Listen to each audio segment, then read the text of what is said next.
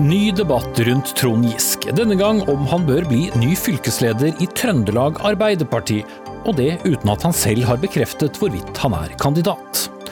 MDG frir til Knut Arild Hareide og ber ham sette ned hastigheten på norske veier. Det satte fart i Frp. Virke vil gjøre norsk renholdsbransje renere, ikke med såpe og vann, men med skattelette, noe Arbeiderpartiet er kritisk til.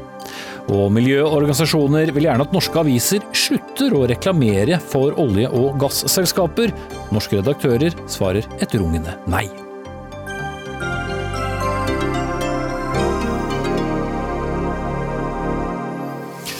Sier vi god mandagskveld, mine damer og herrer, og velkommen til den første utgaven av Dagsnytt 18 i uke seks. Jeg heter eh, Espen Aas, og dagens eh, første sak er det veldig mange venter på som skal skje i USA i dag. Det er eh, nesten et halvt år til demokratenes presidentkandidat utropes offisielt, men det er altså knyttet enorme forventninger til avstemningen i valgets første delstat i natt. For den som vinner vinner i Iowa og deretter New Hampshire, blir som regel presidentkandidat. Og De siste ukene har Bernie Sanders seilt opp som en favoritt til å vinne i denne delstaten.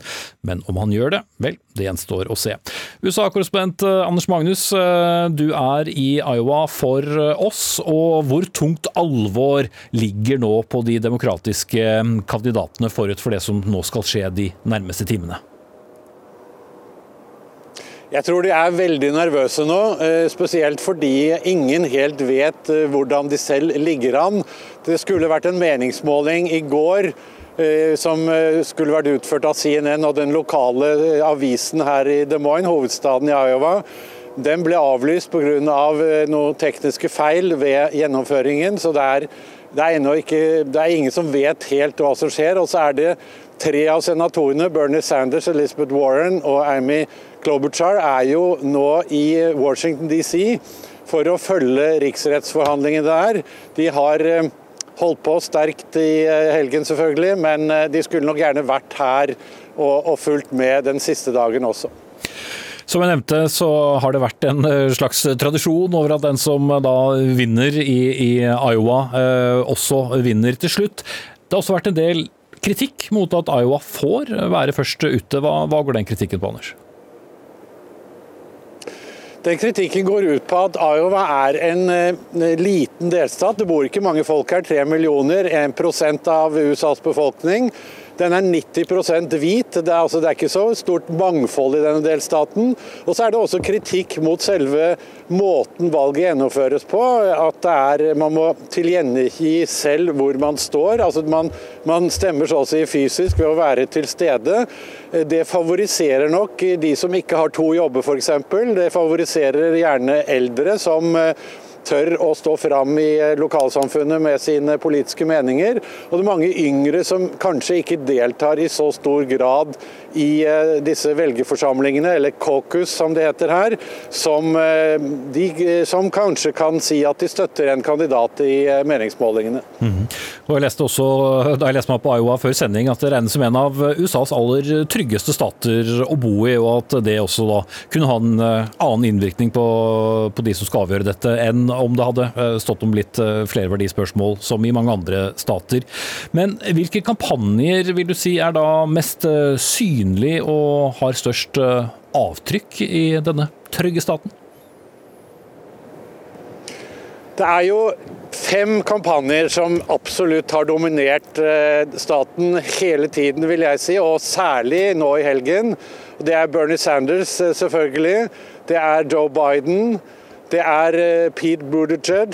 Det er Elizabeth Warren og til slutt Amy Klobuchar, som er som kanskje er på vei oppover, det vet vi ikke helt. Men eh, hun hadde en stigning i siste meningsmåling.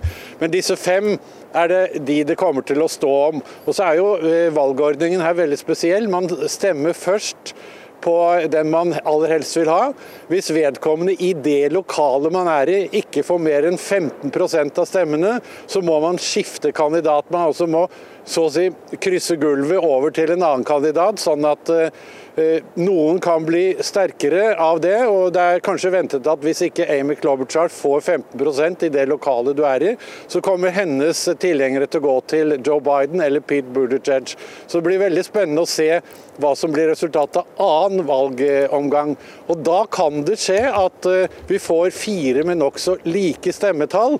Og det blir kanskje det rareste av alt, for det har alltid vært en klar, stort sett en klar vinner i Iowa. Da har du litt av hvert å følge med på uh, det neste halve døgnet, og vel så det, Anders Magnus. Og vi sier foreløpig takk til deg her fra studio. Reidar Strisland, du uh, er uh, forfatter av boken 'Bernie Saunders og det nye USA', og ellers en aktiv Rødt-politiker. Hvor store sjanser har egentlig Sanders, og hvor godt grunnlag har vi egentlig for å, å snakke om, om sjanser så langt? Altså, det, det, er jo mange ting du kan se på, men spesielt målingene nå tyder jo på at uh, Bernie Sanders gjør det ganske bra. Så uh, Han leder i Iowa så leder han med fire prosentpoeng i snitt, uh, hvis du ser på alle målingene. Eh, og gjør det bra også i den neste delstaten New Hampshire, hvor han nå leder med nesten 10 prosentpoeng i snitt. da. Ja, med den historikken vi har på målinger både i ja. USA og andre deler av, verden, så skal vi kanskje ikke lene oss for mye på det? Nei da, eh, men, eh, men, han har en sånn bevegelse, en folkebevegelse, som, som, kan sammenlignes med Obama, kanskje enda mer, faktisk. I Iowa så har han sine frivillige de har banka på 500 000 dører i en delstat hvor det bor tre millioner. I løpet av bare en måneds tid. Eh, så, så hans ground game, som det heter, det er, eh, det er ganske solid. Og, og, ganske mye mer enn det de andre kampanjene faktisk har. Mm. Hilde Eliassen Restad, førsteamanuensis ved Bjørknes høgskole. Hvordan vil du vurdere sjansene til eh, Sanders helt på starten av denne lange valgkampen? Til å, til å vinne i Iowa? Um, gjør det veldig bra på målingen. Han og Biden har kniver om å lede i Iowa. Eh, men det som, er, det som er med Iowa-målingen der, er at det har ofte vært sånn tradisjonelt sett at det kommer helt, helt på slutten, helt den siste uka, det er da det virkelig beveger seg i feltet. Og ofte så har folk kommet litt bakfra i rekken og hoppa bukk over dem som tidligere leda i meningsmålingen. Så nå, det, det, ser bra ut for Bernie Sanders og det ser bra ut for Biden, men jeg, jeg vil ikke satse huset på det. Nei, og som Anders Magnus var inne på, så har jo Biden i likhet med flere av de andre kandidatene nå vært uh, veldig opptatt uh, i sin andre jobb i, Washington, og slik sett ikke fått uh, sett i hvert fall vist seg frem på, på, samme måten. Er det viktig, eller vet mange nok hva, hvem han er og hva han står for? Ikke Biden, jeg tror du mente Bernie Sanders. Ja. Sanders, Warren og Klobuchar har jo vært i Senatet nå, og er i Senatet i dag og skal vel alle fly i panikk til Iowa når eh, de er ferdig i Senatet. Og det har selvfølgelig hatt eh, en effekt, og jeg tror kanskje det har vært verst for Amy Klobuchar, som har minst name recognition, som, man, som er ganske viktig tidlig i konkurransen. Når man ikke er så kjent, så er man nødt til å gjøre seg til kjenne og banke på dører og barnstorme, som det heter. Og det har eh, antageligvis, vil jeg tro, eh, svekka Klobuchar mer enn Warren og Bernie Sanders, for at de er litt mer kjent. Mm. Eh, så har vi jo, kommer vi jo sikkert til å høre disse navnene så mange ganger at vi får gnagsår eh, noen hver, Strisland. Men hvor store forskjeller er det mellom disse kandidatene, som jo representerer sitt samme parti, men i et land med bare to partier, så er det store forskjeller innad? Ja, det er veldig store forskjeller. Eh, og Hvis du ser på en som Bernie Sanders, så, så går han veldig mye lenger når det f.eks. kommer til utenrikspolitikk og klima, som er to saker som har noe å si for oss i resten av verden. Da. Eh, hvor han bl.a. i klimapolitikken er villig til å bruke ganske mye penger på å hjelpe andre land eh, med å få ned utslippene sine. Så han ser utover USA, er ikke bare opptatt av at det skal være best mulig for USA, men ser også at skal vi få til å få kutte utslippene internasjonalt, så må vi hjelpe resten av verden også. Mm. Men er han veldig annerledes? Altså, Han kaller seg jo for demokratisk sosialist. Eh, og, og, mens f.eks. Elizabeth Warren hun klapper for Donald Trump når, eh, når han sier at en sosialist alle skal bli president i USA, så, så gjør ikke Bernie Sanders det. Han sitter stille i stolen. Mm. Ja, Resta, Vi var jo inne på det litt tidligere, alle disse forventningene som er til å, å vinne um, Iowa. Men vi kan jo ikke sette to streker under svaret ut fra hvem som går seirende ut av dette i morgen tidlig norsk tid? Definitivt ikke, og det er ikke sikkert enighet om hvem som går seirende ut av det heller. Eh, for det første så er det bare 41 delegater som skal deles ut i Iowa av 3979 delegater totalt. Så det er på en måte bare starten. Det andre er jo at det handler ikke egentlig om hvem som får hvor mange delegater, det handler mer om hvem som vinner forventningskonkurransen, hvem som kommer bakfra og gjør det bedre enn det man egentlig trodde, hvem som gjør det dårligere enn forventa, og så kommer alle de forskjellige kandidatene til å prøve å fortelle sitt narrativ om at alle dem er på vei oppover. Og så er det ofte sånn at eh, den neste delstaten er jo New Hampshire i neste uke. Og de liker å være veldig uavhengige, og de liker ikke å stemme på den som vant Iowa. Så det kommer nok flere ulike signaler fremover. Um, så har vi jo sett at eh, Sanders har jo ikke bare hatt en fantastisk uh, helse. Nå er jo for så vidt gjennomsnittsalderen relativt høy på, på, disse kandidatene, men har det noe å si? Altså, vi har jo en lang tradisjon med ganske voksne presidenter i, i USA, men uh, Absolutt, det har, det har, noe å si. Og, og, Mange av oss var nok bekymra idet han faktisk fikk dette hjerteinfarktet. Men så viser det seg at uh, dette var som følge av en, en, en, blodpropp uh, som var ganske enkel å fikse. Det var å sette inn stenter. Etter det så har han vært i superslag og holdt et tempo som jeg aldri kunne holdt. Uh, så, så det har vist seg da at velgerne har roa seg litt når det gjelder helsa hans, og har sett at han er i ganske god form, og, og bedre form enn flere av de andre kandidatene. Så, så jeg tror tror at eh, det har roa seg litt. Og så handler det mye om erfaringer. altså Bernie Sanders er gammel, men det, også, det, viser også at han har en lang erfaring. og Du kan gå 40 år tilbake i tid og se at han har stått for de samme prinsippene. Eh, I motsetning til en del av de andre, f.eks. Biden. Mm. Eh, så historien hans er, er, også positiv for hans del. Da. Det er jo... Øh ikke bare Sanders som er eh, viktig her, men det at han velger å bruke det sosialistordet, og du skal jo ikke kjenne til mye amerikansk politisk historie for å vite at er mange som ikke ser på det som et eh, honnørord. Er det, er det klokt å velge så side, eller så mm, politisk ståsted innad i partiet? Jeg er kjempefascinert, for det har vært eh, helt ulovlig å bruke den merkelappen om seg sjøl. Eh, og han er jo egentlig ikke heller med i Det demokratiske partiet, som er en av grunnene til at det er mange i Det demokratiske partiet som er veldig skeptiske til Bernie Sanders. Han, han er sosialist, han er ikke, han er ikke demokrat, ikke sant. Jeg tror jo at selv om han har hatt en sånn enorm popularitet og har truffet en tidsånd som ikke ville vært eh, tilsvarende kanskje tidligere, så er jeg litt usikker på om det er så lurt i valget mot Donald Trump å, å ha den merkelappen sosialist. Det vil i hvert fall gjøre jobben til Trump enklere. Mm.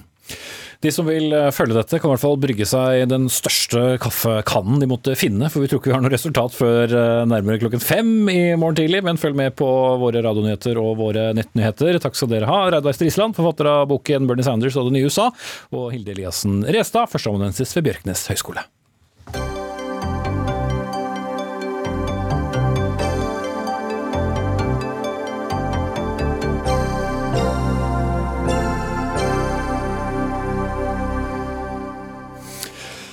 Etter en etter hvert så mye dekkede regjeringsrokaden, så kommer ikke landets samferdselsminister lenger fra Frp, men fra KrF, hvis jeg holder konsonanten i riktig rekkefølge her. Og på bakgrunn av det så ber nå Miljøpartiet De Grønne om at fartsgrensene bør bli lavere, og at fotoboksene, ja, de bør skrus opp igjen, de som er skrudd ned. Og Arild Hermstad, nasjonal talsperson for Miljøpartiet De Grønne, det var i Aftenposten på fredag at du eh, kom med denne bønnen til Knut Arild Hareide om å reversere FrPs politikk gjennom over eh, seks år. Men ut fra hva du har hørt om signalene ellers fra politikken til eh, regjeringen, så er vel ikke det det mest sannsynlige?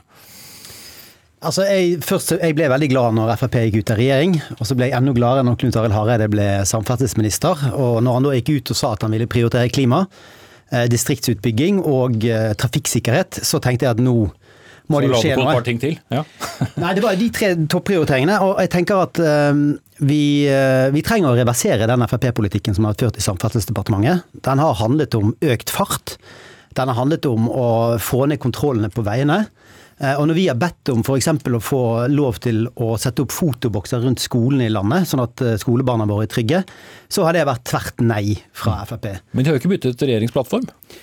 Nei, og Det jo, det var da jeg ikke ble så glad igjen, da, når eh, Hareide gikk ut og sa at eh, han fortsatt skal styre på Granavolden, og til og med at denne udugelige og ubrukelige bompengeavtalen skal fortsette å gjelde. Og jeg mener jo at Så utfordringen min til Hareide er jo at han må skrote den politikken og finne en mer fremtidsrettet måte å drive samferdsel på i Norge. Mm. Og Det skal Hareide straks å svare på, men Bård Hoksrud, du er medlem av transport- og kommunikasjonskomiteen på Stortinget for Fremskrittspartiet.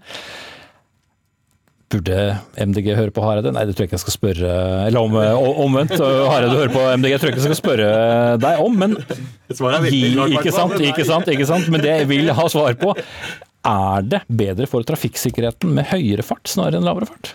Jeg mener at vi skal ha rett fart på rett vei og veitype. Eh, og det ser vi. altså Vi har satt opp fartsgrensene på de beste motorveiene våre til 110 km. Det var mot masse faglige eh, anbefalinger og mot mange som mente at det var feil. Men det viser altså at det har ikke vært flere ulykker. Det viktige for Fremskrittspartiet er at vi skal ha trafikksikre, gode, trygge veier. Og vi skal være verdens beste på trafikksikkerhet. Og det kan man være, men det handler om at vi må få folk også til å se og ha forståelse for de fartsgrensene vi har på de forskjellige veiene. og Derfor så mener jeg rett, fei, nei, rett fart på, på, rett eh, vei er det som er det beste tiltaket. Mm. Ja, eh, akkurat det er jo kanskje ikke noe som er så lett å være uenig i. Men Knut Arild Hareide, det er jo ikke tvil om at du som ny samferdselsminister fra Kristelig Folkeparti eh, nok eh, vil få mange innspill eh, på hva du skal gjøre fremover. Er, du har ikke vært så enig i denne Granavolden-erklæringen, men du må jo likevel forholde deg til den, eller? Ja, jeg skal forholde meg til Granavolden-erklæringen, men det ligger mange muligheter nettopp innenfor den. Og når vi nå f.eks. diskuterer streknings-ATK, som er et virkemiddel som våre fagmyndigheter sier altså redusere ja, ATK, automatisk eh, trafikk, eh, eller måling av farten, da. Ja, det er en gjennomsnittsmåling fra et punkt til et annet.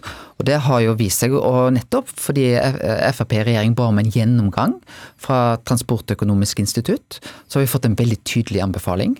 Der er altså reduksjon på hardt skadde og drepte i trafikken der dette er gjennomført, på mellom 49 og 54% Altså et veldig godt virkemiddel. Men det står jo i Granavolden-erklæringen at vi skal begrense bruken av det. si, det kommer ikke den type streknings-ATK på, på, alle veier. Men vi bør bruke det der det er et godt virkemiddel. Mm. F.eks. i lange tunneler eh, der det er vanskelig for politiet å gjennomføre trafikkontroll. Eh, på ulykkesstrekninger der vi har mange ulykker, så vil dette kunne være et godt virkemiddel. Men det er ikke jeg som skal sitte og vurdere det. Her har vi fagfolk. Og eh, når Statens vegvesen eh, kommer opp med anbefalinger dette er det beste virkemidlet, så må jeg selvfølgelig si ja til det på den type strekninger. Mm. Men uh, bønnen fra MDG før helgen, skrev du det ned og tenkte at dette skal jeg se nærmere på, eller? Ja, altså absolutt. Eksempel ta Melefjelltunnel, da som ble åpna for trafikk i desember. Mm. Og for de som ikke kjenner den, hvor finner den? Ja, Den er da på, eh, på vei til Sørlandet. Så det er den strekningen jeg kjører når jeg skal til mine svigerforeldre. Eh, der har vi altså da hatt åpna for trafikk i desember 2019, altså vært nå en måned. Der er det altså 70% av de som kjører på den veien, kjører for fort. Vi har hatt målt hastigheter på 204 km i timen. Da vet vi at det er en fare. Der vil jo f.eks. en streknings-ATK være et veldig godt virkemiddel. Mm. Men, men, jeg tror òg det er viktig at vi skal ikke spre dette rundt om på alle veier. så det å begrense det. Men vi skal bruke der det fungerer godt. Mm. Men hvor er det først og fremst eh, du skulle ønske deg at eh, Hareide da satte ned farten? Er det på motorveier med 110 km, eller er det først og fremst i strøk der det bor eh, folk, og hvor man går til og fra skolen, eller er det generelt? Vær konkret. Altså Hvis jeg skal velge, og jeg må velge én, så ville jeg nok valgt byene. At vi fikk lov til å sette ned fartsgrensene eh, enda mer. At de, vi kunne prøve ut 20 km i timen rundt skolene våre for uh, å hjelpe til med de hjertesoneprosjektene som vi har i Oslo. Eh, og så kunne jo altså det er jo helt meningsløst at man ikke kan sette opp en fotoboks der det er 30. Og, og når du sier 204 km i timen på en vei, så er det ganske mye. Men 70 km i timen på en skolevei, det skjer. Folk blir tatt i 30-sonen i 70 km i timen. Det går altså unger som skal frem og tilbake til skolen. Det fører til at alle føler seg utrygge, og det betyr at flere begynner å kjøre ungene sine til skolen, som igjen blir enda mer utrygt. Sånn at hvis dere kunne vært med oss på å lage trygge, gode skoleveier i hele landet, som opptar foreldre, barn Og vi får jo masse henvendelser om dette, folk som er virkelig bekymret. Og nå har de fått I seks år så har de fått uh, høre at Frp de får så mange folk som vil at de skal kjøre fortere. Og så har Frp bare liksom trykket på knappen, og nå skal vi gjøre det. Og nå må Hareide lytte til noen andre folk enn det Frp har hørt. Dere har vel ikke først og fremst ønsket at folk kjører fortere forbi skolene, Hoksrud, men 20 km i byene, er det noe du vil være åpen for? Så, som jeg sier at Det vi er opptatt av, vi skal ha de rette fartsgrensene på de rette veiene. Eh, og Det mener jeg er viktig, og det er det, som, det er det det handler om. Men det jeg opplever ofte, er at liksom man Jo, men Hvis vi skal være konkrete hvilke veier Hvis vi skal tenke jo, men, tettbebygde strøk men, men, men for eksempel, altså, nå er det på noen strekninger så har man satt ned fra 80 til 70 f.eks., og så utbedrer man veien, og så fortsetter man å ha 70 km. Det betyr at da blir respekten for den veien blir litt dårligere enn den ville vært hvis man også hadde satt opp når man faktisk har forbedra veien.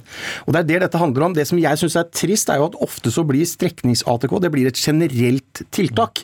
Istedenfor faktisk å ha de der hvor det er viktig, der hvor det har vært mange ulykker, så kan vi også være med og diskutere om vi skal sette opp mm, streknings-ATK. Men jeg er veldig skeptisk til at dette er liksom det første tiltaket som man tar opp av verktøykassa. Det er en svær verktøykasse. Det er sånn at En håndverker han bruker ikke hele verktøykassa si hele tida. Han finner de rette, de gode, de gode tiltakene. Jeg mener at det vi gjør med å bygge vei, det å vedlikeholde veien, det å sørge for trygge, moderne veier, få nye biler som er trafikksikre, dette er det som gjør at vi er best i, i verden på trafikksikkerhet. Og vi har ingen å miste i trafikken. Vi må fortsette den kampen. Men ville du kjørt i 20?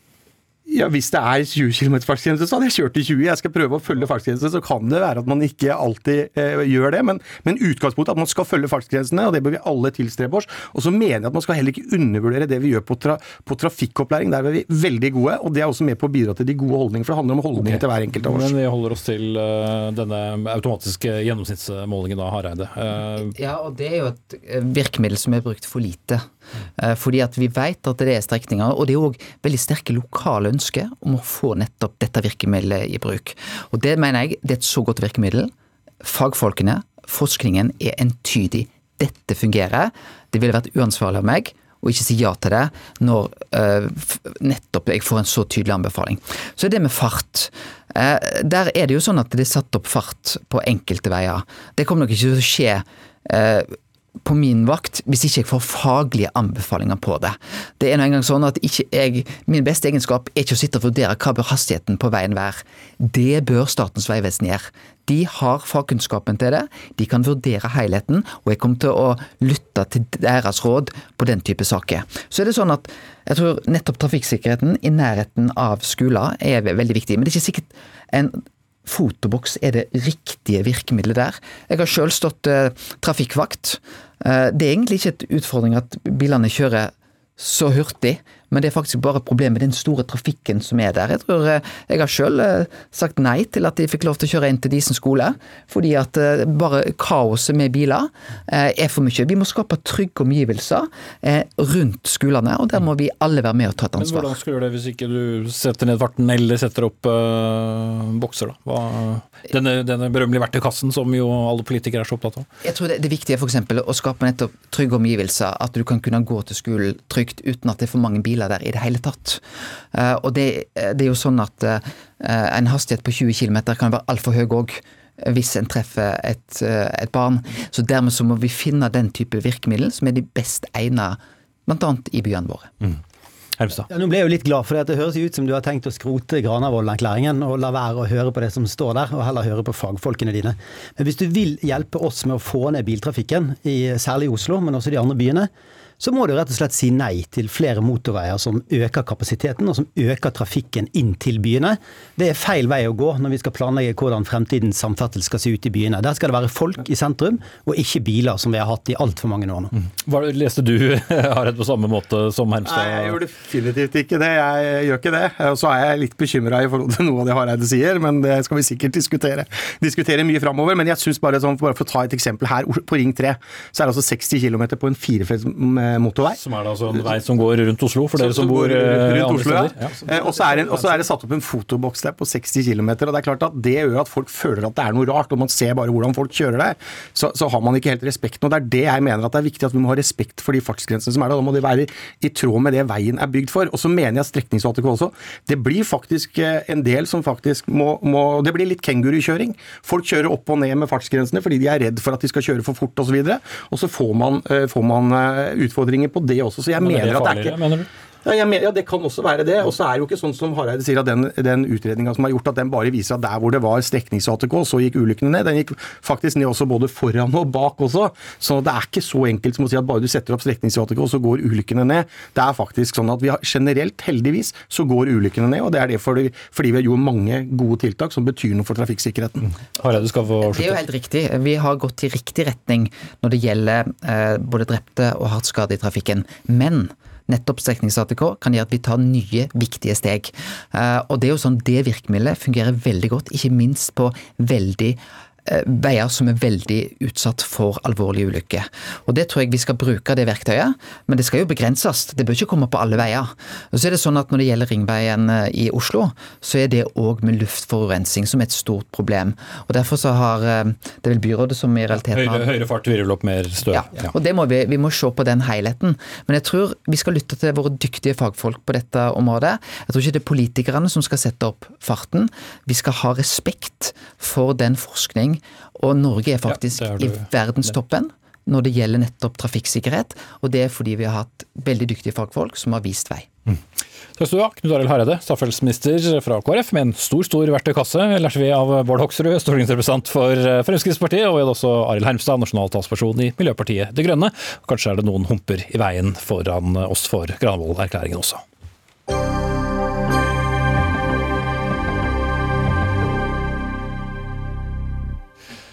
Senere i sendingen skal eh, vi snakke om kvinner som eh, mangler eh, systematisk oppfølging dersom de opplever spontanabort. Og Der møter Arbeiderpartiet Høyre. Men nå skal vi mine damer og herrer, nok en gang eh, snakke om Trond Giske. For det brygger igjen opp eh, strid rundt ham, uten at han for så vidt har gjort så veldig mye for det. Men det handler om hans hjemfylke Trøndelag.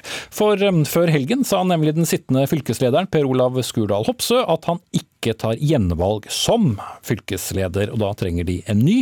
Og det kan bety at nettopp Giske er den som kan få overta Norges største fylkeslag i Arbeiderpartiet.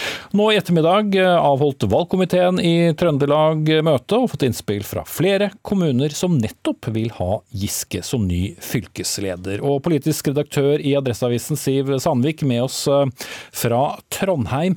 Det mange lurer på er jo hvordan klarer man å lage strid rundt eh, Trond Giske når vi ikke engang vet om han har tenkt til å stille til valg som fylkesleder? Da vet jeg at det er mange i Arbeiderpartiet som vil peke på sånne som eh, meg og deg, som insisterer på å snakke og skrive om det, sjøl om han ikke sjøl har sagt om han vil bli fylkesleder. Men så er det jo sånn at det er såpass mange andre i Trøndelag Arbeiderparti som forteller til oss i Adresseavisen og andre medier eh, at de ønsker Trond Giske som eh, fylkesleder. Vi hadde jo en sak om det i Adresseavisen allerede før jul. Og så fredag, som du sa, så ble det jo kjent at den sittende lederen ikke tar gjenvalg. Og på valgkomiteens møte i dag så fikk de inn forslag på nettopp Trond Giske som inn i styret. Og det er egentlig litt interessant, fordi Trondheim Arbeiderparti de har ikke valgt å sende inn noen liste i det hele tatt. Det ble jo veldig mye bråk i fjor da de ville ha Giske. Så egentlig så skulle lokallagene nå kun sende inn folk fra sitt eget område.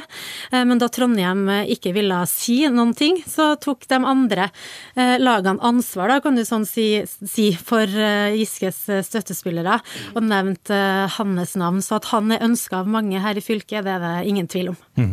Ja, Du var jo til stede utenfor dette møtet, og det aller første møtet til en nominasjonskomité i et fylkeslag får jo normalt sett ikke så mye oppmerksomhet, men nå gjorde det det. Ja, de begynner jo å bli ganske godt vant da, i, i Trøndelag Arbeiderparti med den oppmerksomheten, men om de vil ha den eller ikke, det er ikke helt uh, overbevist om. Alle spørsmålene som uh, Grande, uh, valgkomiteens leder, fikk, gikk jo på nettopp Trond Giske, og han ville helst ikke snakke om Giske i det hele tatt, men heller snakke om at de ønska å sette sammen et samlende lag. Men det ble jo klart da at Giskes navn hadde blitt spilt inn, og så reiser jo selvfølgelig spørsmålet seg hvis målet til valgkomiteen er å få en samlende leder og et samla lag, er det da mulig at Giske er en del av den kabalen? Og igjen, der, splitt, der viser jo splittelsen seg i, i, svarene, fordi det kommer veldig an på hvem du spør. Mm. VG-kommentator Tone Sofie Aglen, du har fulgt trønderpolitikken i, i mange år. Hvor splittende er Giske i Trøndelag?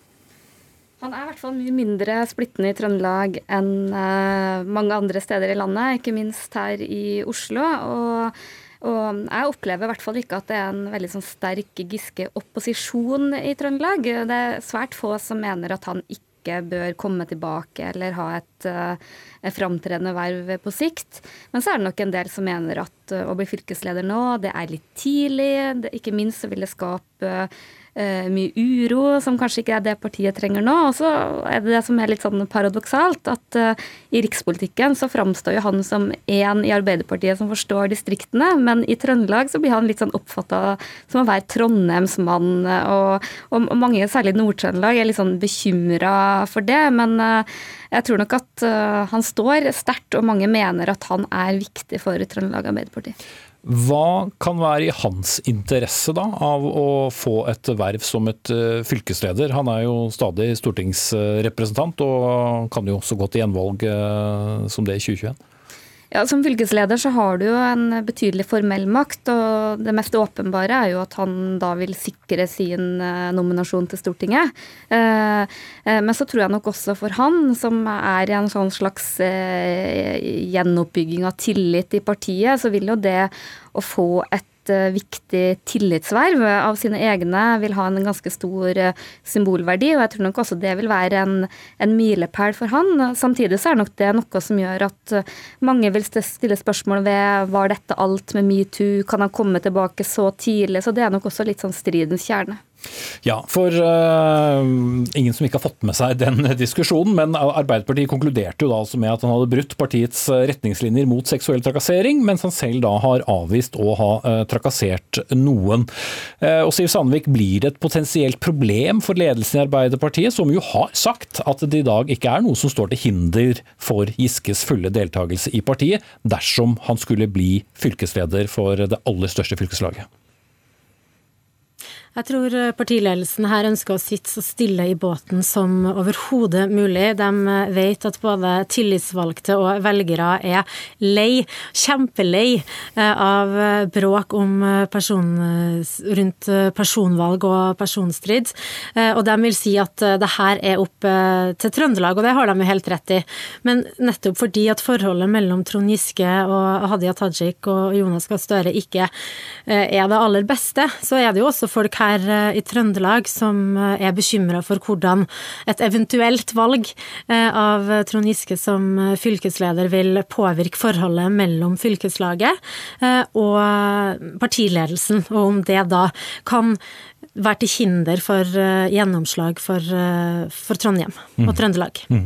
Aglen, hvor mye trenger Arbeiderpartiet Giske, hvis vi ser bort fra partiledelsen?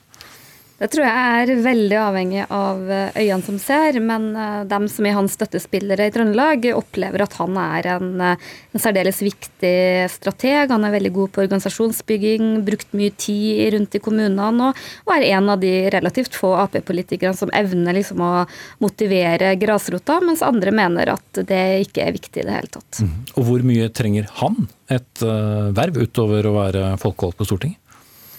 Ja, det har han jo ikke svart på sjøl, men at det vil gi han en plattform og en, en, kanskje enklere vei tilbake, hvis det er det han ønsker, er det vel ikke noe tvil om. Mm. Og Siv Sandvik, som du har vært uh, inne på, så er det jo uh, mange som helst vil slippe den store Trond Giske-diskusjonen, men det er nå veldig vanskelig å komme utenom den når partiet trenger en ny fylkesleder. Og det skal jo ikke velges noen på, før vi er et godt stykke ut i, ut i mars. Vil det bli mye debatt fremover? Jeg tror nok at eh, det kommer til å bli eh, mange saker framover om andre navn, f.eks. Og her lokalt så blir det jo en debatt også om geografi, om, om kjønn og alle de tingene som alltid spiller inn når eh, et fylkeslag skal sette sammen et styre.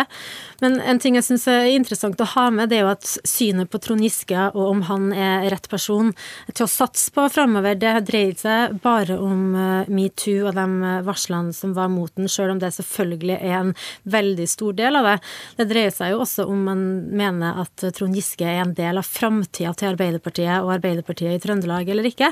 Og der har jeg prata med en del uh, unge Arbeiderpartifolk uh, den siste tida som slettes ikke er overbevist om det. Altså, Trond Giske har jo lenge vært assosiert med og forbundet med uh, den radikale og ungdommelige sida i Arbeiderpartiet, men han er jo ingen ungdom lenger. Og det er ganske lenge siden han var AUF-leder. Og i viktige saker som f.eks. klima og innvandring, så står jo han og, og AUF i Trøndelag ganske langt fra hverandre. Så der er det heller ikke Kan man ikke ta for gitt at eh, de satser på, på Giske. Mm. Uansett så må vi vente og høre hva hovedpersonen selv måtte si om en eventuell eh, jobb som fylkesleder i Trøndelag. Takk til Tone Sofie Aglen, politisk kommentator i VG, og Siv Sandvik, politisk redaktør i Adresseavisen.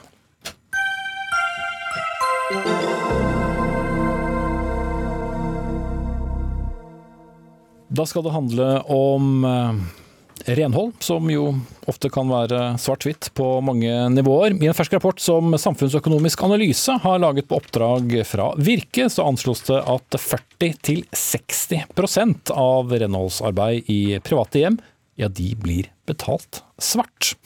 Det er et uh, gigantisk eh, samfunnsproblem, har dere sagt i Virke. Ivar Hornland Christensen, du er administrerende direktør i Virke, som nå altså er hovedorganisasjonen for handels- og tjenestenæringen. Dere vil bøte på dette ved å gi renholdsfirmaene skattefradrag.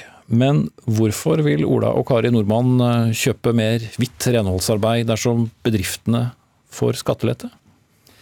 Nei, Vi eh, mener jo det at uh, vi ønsker da en prøveordning i forhold til å få skattefradrag på renhold i private hjem. Og Det er fordi at andelen svart arbeid her er så stort, og for å få da dette over i ordna forhold, hvor de ansatte får ordna arbeidsforhold, og du får en hvit økonomi, så mener vi nå at med alle de tiltak vi har prøvd, så er dette nå det tiltaket vi må gjøre, men da begrensa til privat renhold i i hjemmene. Mm. Men forklar meg likevel, fordi vil det gjøre noen forskjell for den som kjøper tjenestene om dere, eller om det skulle bli innført eh, skattefradrag for, eh, for bedriftene? Sluttbruker vil jo sikkert være mest eh, opptatt av hva det koster.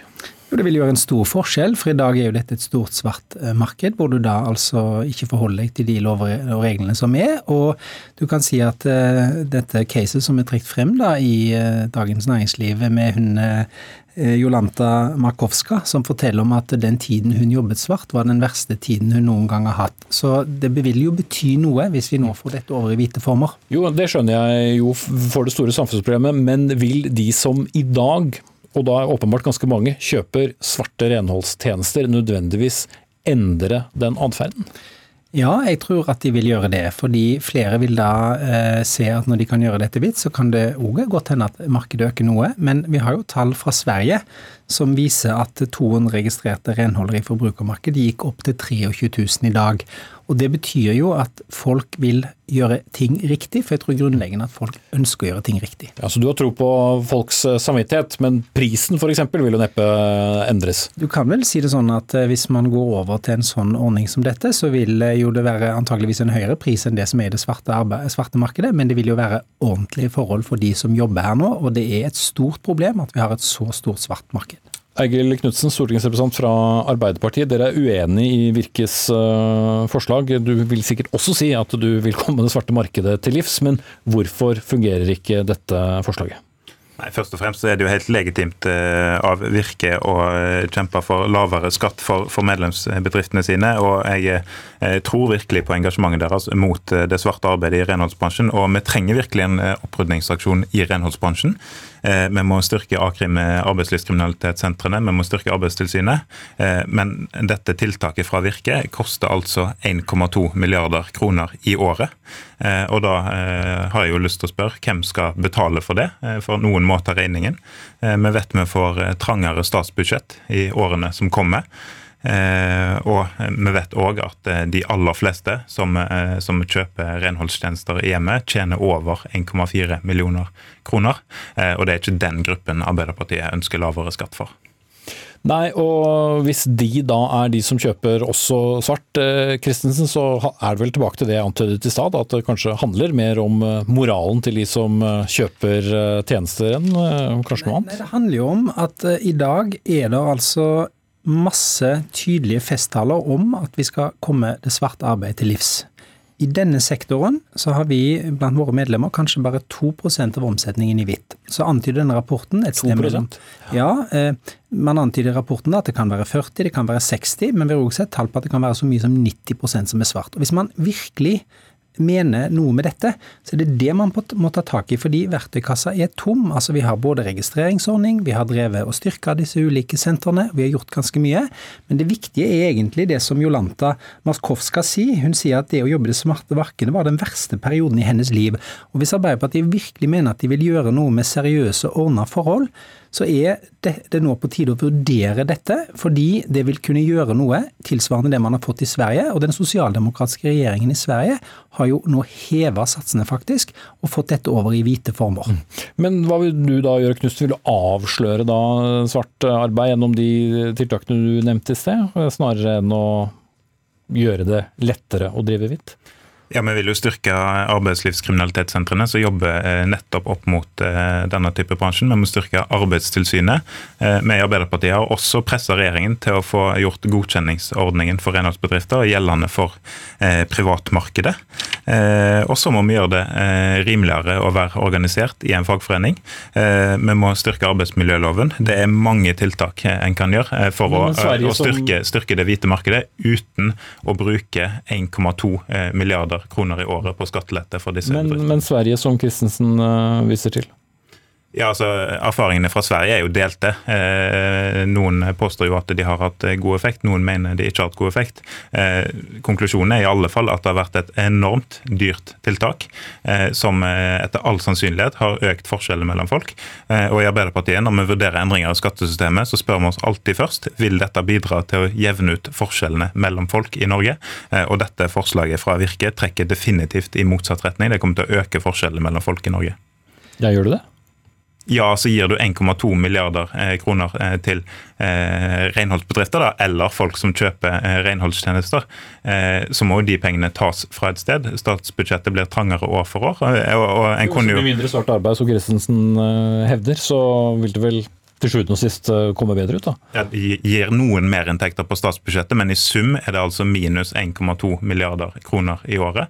Eh, Og En kunne jo eh, tenkt seg at andre grupper kunne betalt for dette, her, men jeg ser jo også at Virke vil jo f.eks. fjerne formuesskatten.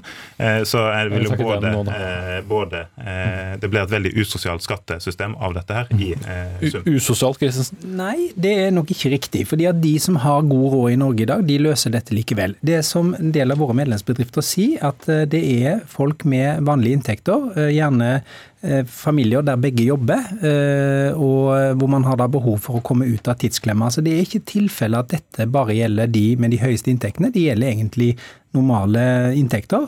Og så må jeg jo si at I Sverige så har de altså redusert fra 11 til 3 milliarder det svarte arbeidet. En nedgang på 72% Og den svenske regjeringen har nå fått et nytt forslag på bordet hvor de snakker om å heve dette ytterligere. Og Jeg syns man burde ta inn over seg at disse som jobber svart i dag, de har altså ikke ordna arbeidsforhold. Det er mange som kommer som ikke blir ordentlig inkludert. Og det gir heller ikke riktige konkurranseforhold. Og det syns jeg at Arbeiderpartiet burde reflektere over. For det er i denne sektoren med et målretta tiltak som kunne fått gjort noe med det svarte arbeidet. Vi får se eh, om det blir testet ut. Takk til eh, Eigil Knutsen, Knutsen, stortingsrepresentant fra Arbeiderpartiet, og Ivar Hornland Christensen, administrerende direktør i Virke.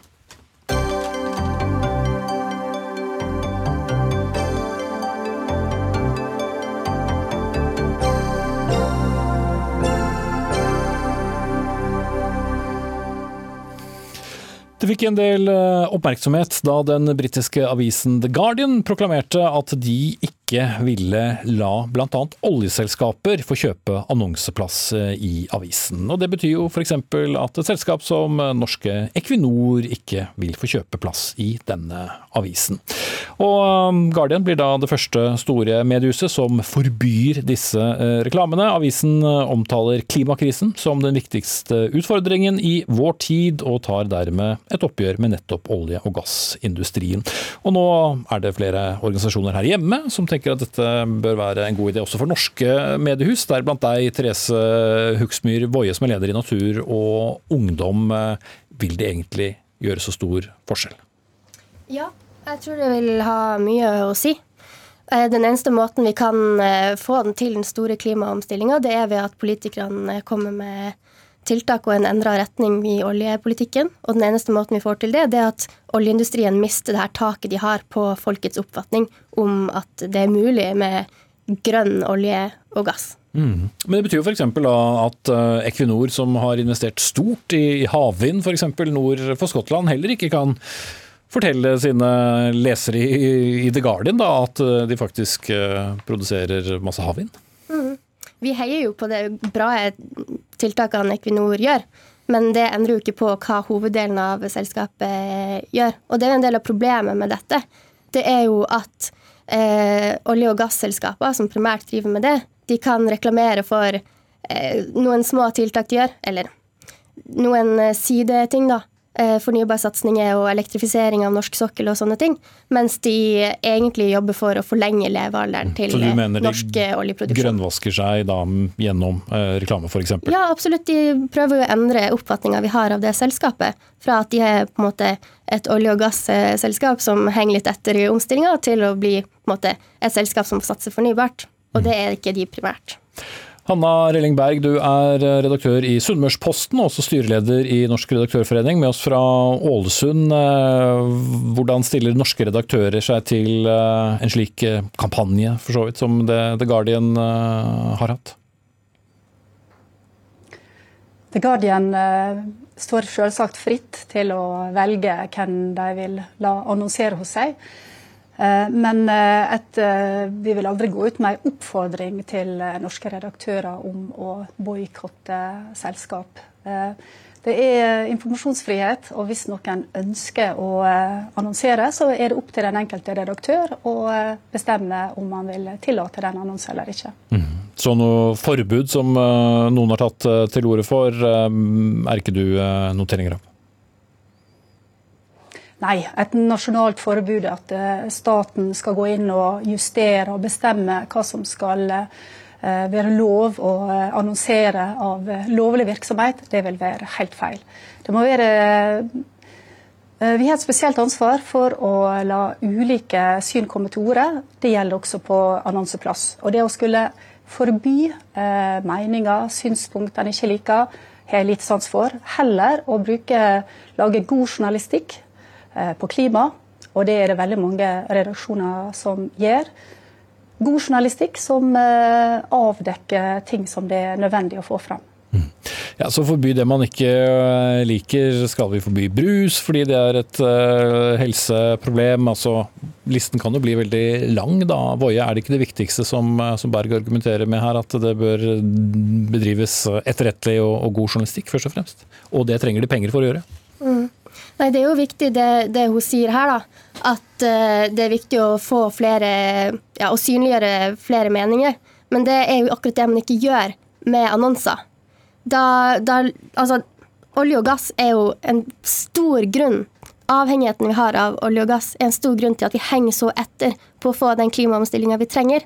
Og når da eh, oljeselskaper kan kjøpe seg plass der de ikke blir motsagt, det er jo det som er problemet. De som tjener penger på denne fortellinga om at verden trenger norsk olje og gass langt inn i fremtida, selv om verden prøver å omstille seg bort fra olje og gass. De som tjener penger på den fortellinga, og får sagt det umotsagt i annonser, det syns jeg er problemet. Mm. Eh, Berg, ville, det, ville, du sett på det som eh, at noen aviser, sånn som The Guardian åpenbart eh, selv mener, at det ville være en fordel å ta et standpunkt i en, en sak som dette? Ja, som jeg sier, Det er opp til den enkelte redaktør å avgjøre det.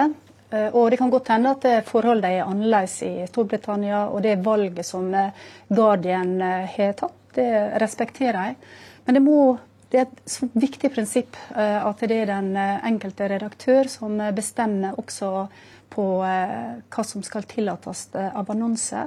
Og det å ha et sånt nasjonalt forbud der enkelte næringer i Norge ikke skal få lov til å informere om sin virksomhet, kanskje ikke lov til å annonsere etter folk, for det er også annonse, eh, så vil det være feil og vil rokke ved viktige prinsipp for eh, full informasjonsfrihet. Mm. Det er ikke lov å reklamere for tobakk, eh, alkohol og, legemidler. Vil det være så stor forskjell? Ja, Eh, jeg vet det er enkelte ting som i dag det ikke er lov til å reklamere for. Og så kan han argumentere. Er det avveining av ulike verdier? F.eks. at det er et ønske at barn og unge ikke skal begynne å røyke og drikke før de forstår eh, virkninga av det. Eh, men vi trenger ikke flere forbud. At staten skal gå inn og, og regulere hva som skal være lovlige ytringer i Norge. Mm. Ja, Voie, Det er jo lett å tenke seg at da burde man ikke få lov til å reklamere for flyreiser, for biler, og listen kunne jo blitt uh, veldig lang. Ja, og jeg syns gjerne redaktørene sjøl kan, kan, ta sånne valg og gå enda lenger enn bare olje og gass. Men jeg syns olje og gass er en veldig viktig plass å starte. Man må jo tenke på hva formålet med deres eh, reklamering er. Og det er jo holdningsendring blant folk for at eh, de skal være mer positivt innstilt til at eh, oljenæringa kan fortsette sånn som de gjør i, i Norge. Mm. Da setter jeg eh, strek. Takk skal du ha, Therese Huksmyr Woie, leder av Natur og Ungdom, og takk til eh, Hanne Rellingberg, redaktør i Sunnmørsposten og styreleder i Norsk redaktørforening.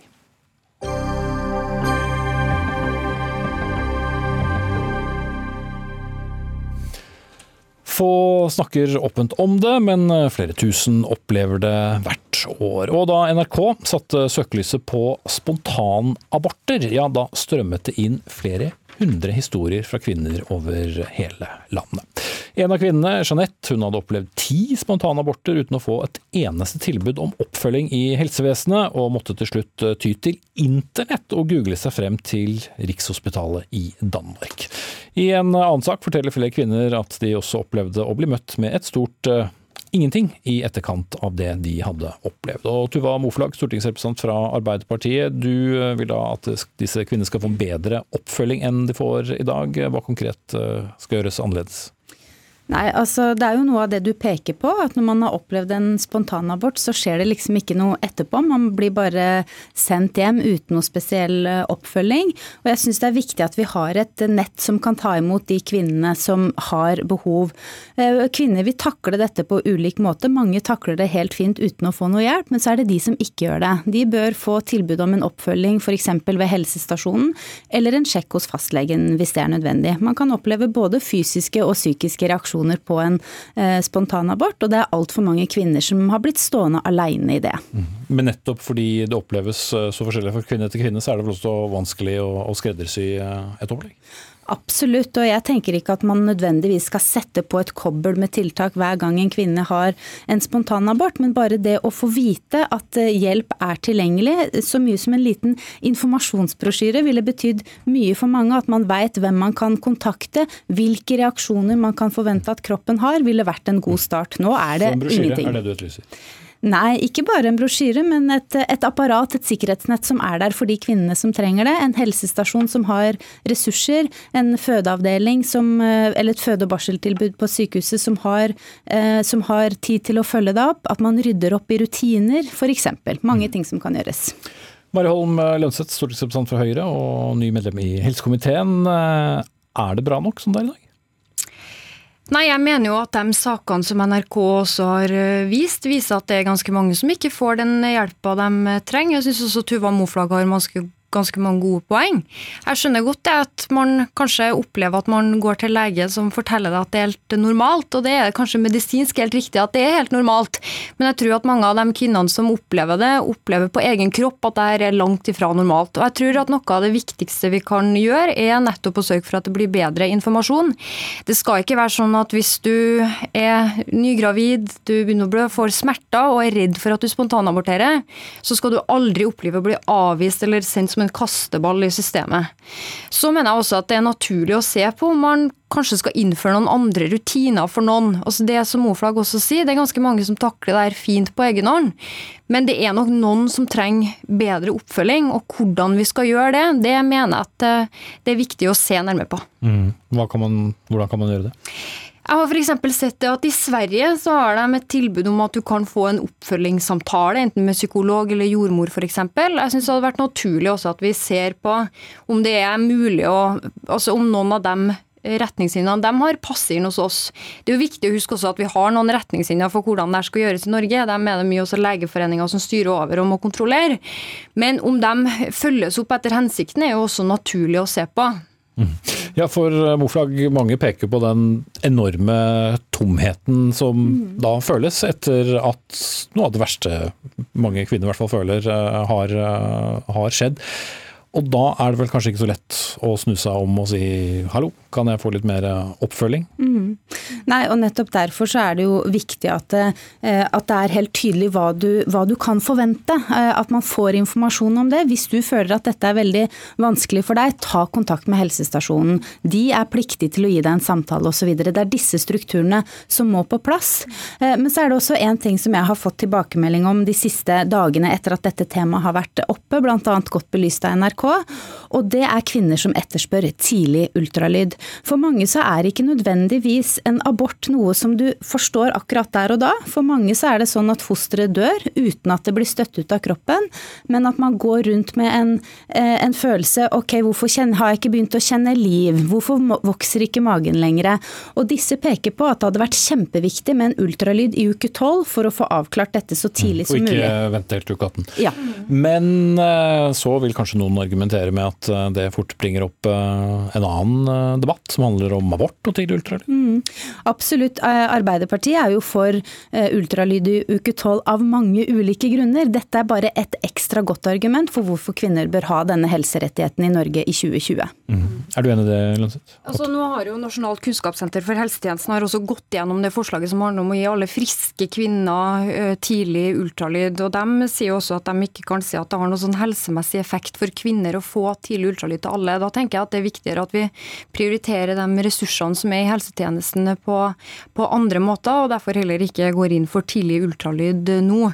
Men jeg mener også at en, et viktig aspekt i den debatten her handler også om hvilke holdninger vi bringer fremover. Jeg mener at vi kanskje i altfor stor grad hva skal jeg si, romantiserer hele svangerskapet og gir alle som er gravid en forventning om at alt skal være så fryktelig enkelt, og at alt skal gå på skinner. Men det viser seg jo at for mange, kanskje flere enn hva de fleste tror, er det ikke alltid så fryktelig rosenrødt.